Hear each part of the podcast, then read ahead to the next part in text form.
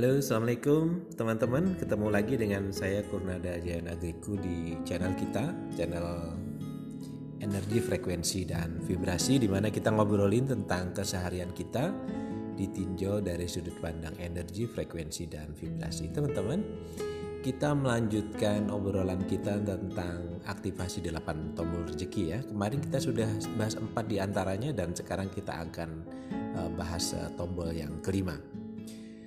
Oke, sebelum masuk ke tombol berikutnya, izinkan saya mereview kembali keempat tombol sebelumnya. Jadi hemat saya keempat tombol yang sudah kita obrolkan adalah tombol rezeki yang idealnya dijalankan setiap individu. Dan ada belief yang harus ditanamkan pada bawah sadar masing-masing agar struktur tangga rezeki ini bisa teraktivasi.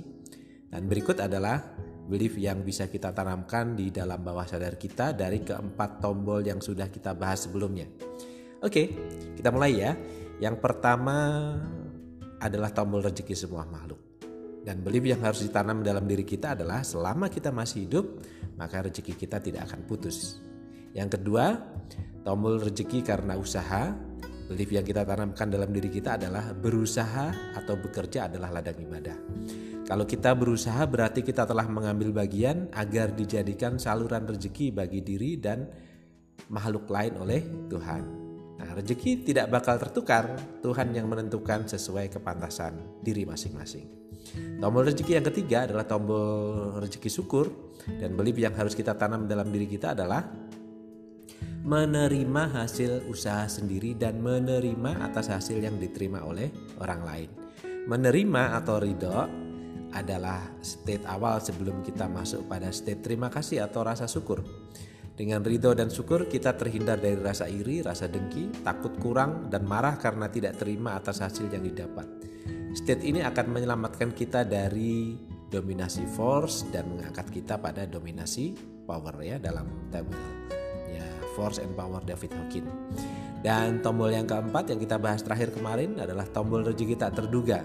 Belief yang harus kita tanam dalam diri kita adalah kita tidak boleh melekat pada hasil, berserah total pada Tuhan, sehingga pada level ini jargon usaha tidak pernah mengkhianati hasil itu tidak menjadi uh, tidak pas lagi ya, tidak menjadi pas lagi menurut hemat uh, saya karena di dataran ini kita tidak lagi bermain di ranah sebab akibat, kita sudah bermain di ranah iman.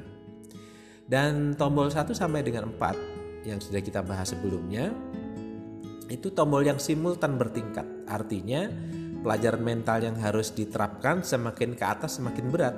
Namun dari sisi kerezekian hasilnya akan semakin signifikan. Karena semakin ke atas ego diri semakin dikikis dan ego Tuhan yang bekerja. Jadi semakin ke atas, semakin ke rezeki 1, 2, 3, 4 itu ego diri kita semakin terkikis kalau kita sudah bisa sampai ke level 4 setidaknya dan ego Tuhan yang mulai bekerja pada diri kita dan itu akan mempermudah uh, rezeki kita. Oke teman-teman, kita akan lanjutkan ke tombol berikutnya. Oke ya. Apa sih yang tombol kelima? Tombol kelima adalah rezeki karena istighfar. Istighfar adalah tindakan yang uh, meminta maaf atau memohon keampunan kepada Allah yang dilakukan oleh umat Islam. Dalam konteks rezeki, istighfar adalah salah satu tombol untuk mengaktifasi rezeki sebagaimana diinformasikan pada surah Nuh ayat 10 sampai 12 yang artinya seperti ini.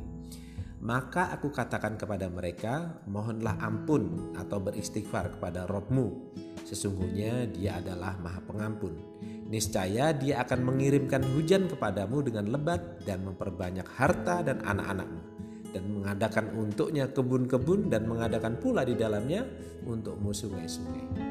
Itu artinya ya teman-teman ya. Nah, di dalam Islam mana istighfar tidak terletak pada pengucapannya, namun pada seberapa dalam seseorang yang beristighfar memaknai dan menghayati apa yang ia ucapkan. Jika dihubungkan dengan tombol rezeki 1 sampai 4, maka tombol rezeki yang kelima ini adalah tombol penyapu semua keresahan dan kegelisahan yang ditimbulkan oleh ketidaksadaran saat kita terbawa oleh energi ego diri kita sendiri. Nah, ketidaksadaran dihanyutkan ego ini akan berimbas pada menguapnya semua esensi yang sudah dijelaskan pada masing-masing tombol rezeki dari tombol rezeki 1 sampai sampai tombol rezeki 4 itu tadi. Nah, belief yang sudah ditanam seolah hilang dilibas oleh kecemasan, keresahan, ketakutan kemelekatan, kesombongan dan rasa-rasa lainnya yang didominasi, yang dominan di posisi force maksud saya.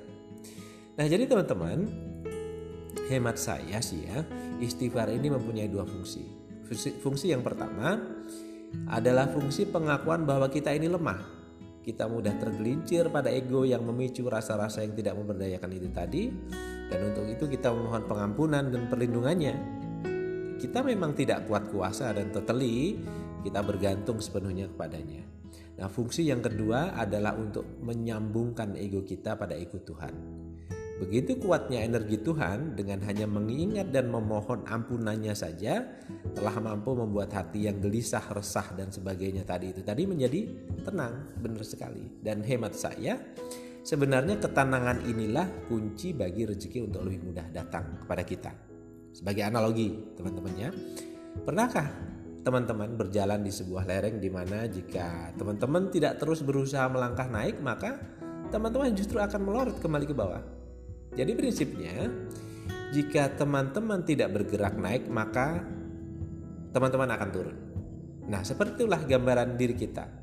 Karena menurut Deepak Chopra, kita berbicara ke dalam diri kita sendiri atau self talk kita dalam diri kita sendiri dalam sehari itu sebanyak 50.000 sampai 65.000 kali. Di mana 70 persennya sampai 80 persennya adalah self talk negatif.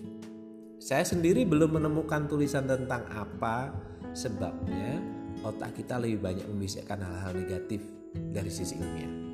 Namun yang jelas sudah banyak contoh kejadian buruk gara-gara bisikan negatif ini kasus korupsi, penipuan, pencurian, perampokan, keserakahan, dan bentuk-bentuk kejahatan lainnya adalah bukti nyata dari adanya bisikan ini. Namun dari sisi agama, Tuhan sudah mengingatkan bahwa iblis dan anak buahnya, termasuk setan dan jin di dalamnya, akan terus berusaha menyerumuskan kita dalam perilaku-perilaku yang dilarang oleh Tuhan. Melalui apa? Ya melalui self talk itu tadi ya karena self talk itu uh, apa bekerjanya itu kan iblis masuk ke dalam aliran darah kita ya jadi dia gampang sekali membisikkan hal-hal itu nah untungnya Tuhan sudah memberi kita petunjuk kalau mau tenang ingatlah aku kan begitu kan Tuhan ya hanya dengan mengingat Tuhan hati menjadi tenang betul sekali artinya simple untuk melawan self talk negatif tadi salah satunya adalah dengan memperbanyak istighfar benar sekali. Nah, istighfar dalam hal ini bukan hanya diakses saat merasa bersalah saja, namun dijadikan zikir, dijadikan amalan. Karena self talk yang 70% negatif itu tadi sering kali di luar kesadaran kita. Gitu ya teman-teman ya. Nah, Nabi Muhammad Shallallahu alaihi wasallam bersabda, "Siapa yang menjaga istighfar, maka Allah akan menjadikan jalan keluar baginya dari semua masalah dan Allah akan berikan rizki dari jalan yang tidak disangka-sangka. Begitu informasi beliau. Jadi ketika tombol 1, 2, 3, dan 4 telah Anda aktifasi secara simultan, maka tombol kelima ini adalah tombol yang berfungsi sebagai stabilisator. Agar Anda tidak tergelincir turun dari level power ke level force. Ya betul ya teman-teman ya. Jadi dalam hal ini istighfar akan menjaga kita stay power, stay cool. Kalau menurut Steve Jobs seperti itu ya. Ya, stay hungry, stay full saya ganti jadi stay power, stay cool. Oke, teman-teman, sampai di sini dulu obrolan kita tentang aktivasi 8 tombol rezeki. Kita sudah bahas tombol rezeki yang kelima, rezeki karena istighfar dan mudah-mudahan nanti kita akan bahas uh, tombol rezeki berikutnya masih ada ini lima ya, masih ada tiga lagi. Oke. Teman-teman sampai ketemu saya doakan hari Anda baik, hidup Anda baik, rezeki Anda baik dan mudah-mudahan masa depan Anda akan jauh lebih baik. Terima kasih. Assalamualaikum warahmatullahi wabarakatuh.